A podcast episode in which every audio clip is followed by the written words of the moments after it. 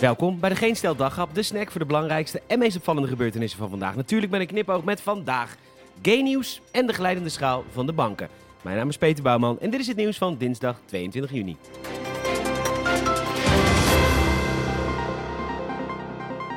Het Vaticaan is niet blij. Sterker nog, ze hebben een formele klacht ingediend tegen Italië, omdat dit land een wet gaat doorvoeren dat homofobe uitspraken strafbaar stelt. Dat meldt het AD.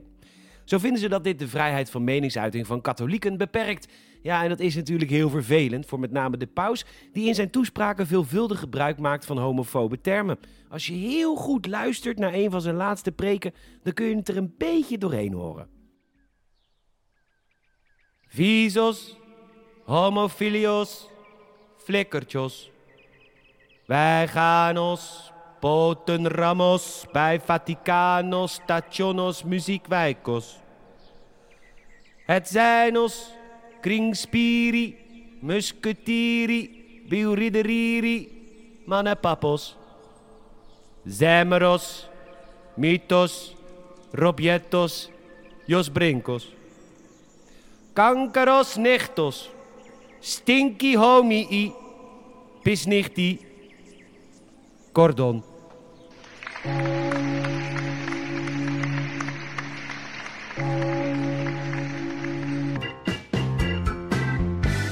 blijven even bij keihard gay nieuws, want de hele wereld keert zich op dit moment tegen de UEFA. Vanwege de duizenden dode arbeiders die werken aan stadions in Qatar.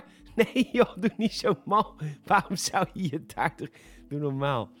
Nee, de Allianz Arena in München moet in regenboogkleuren worden uitgedost in de wedstrijd tussen Duitsland en Hongarije.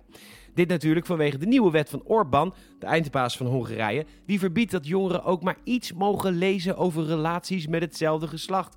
Maar zo'n statement maken mag natuurlijk niet van de UEFA, want dan wordt Rusland boos, en China en Qatar. En wederom verschuilt de voetbalbond zich achter het feit dat ze zich ver van politiek willen houden. Nu dan.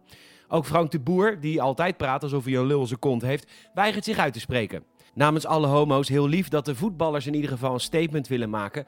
Maar misschien moet 1 op de 10 van jullie eens uit de kast komen. Want het is de enige sector waar geen enkele homo bestaat. Ja, één. Nederlands zaalvoetballer. John de Bever. John de Beaver genoemd in het gay circuit. Maar dat is dan ook echt de enige. Sterker nog, de godvrezende ultraconservatieve Amerikanen zijn ons nu zelfs voor. Want vandaag kwam de eerste Amerikaans voetbalspeler uit de kast. Laat het stadion lekker onverlicht, maar dan zou het wel leuk zijn als Neuer en Rudiger even twee minuten gaan kaken tijdens de wedstrijd. Dat is sowieso niet politiek, dat is liefde. En een beetje geil. Let op, geld pinnen kost geld. Mensen die wel eens in de Verenigde Staten zijn geweest, die weten dat geld betalen voor pinnen daar heel normaal is. Vaak kost dat wel een dollar of 2,5.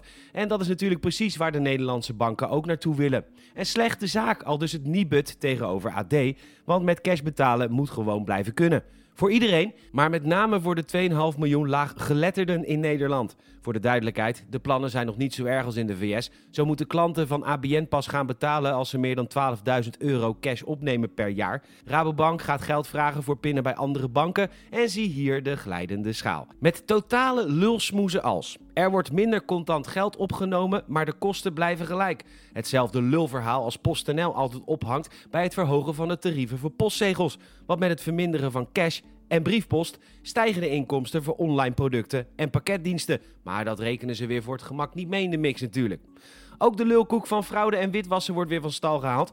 Dat is hetzelfde als zeggen dat je terrorisme bestrijdt door toegangspoortjes te plaatsen bij het OV. Alsof mensen die kwaad willen vol bommen en granaten voor Rotterdam CS staan en dan denken: kut, ik moet mijn OV-chipkaart nog opladen. Ja, nu ga ik naar huis. Enfin, de dupe is natuurlijk weer de gewone burger, glijdende schaal waar legio voorbeelden van zijn. Bedankt voor het luisteren. Je zou ons enorm helpen als je een vriend of vriendin vertelt over deze podcast, een hartje geeft in Spotify of ons een Apple Podcast review geeft. Dan stijgen we in al die lijstjes. Enorm bedankt. En uh, wederom tot morgen.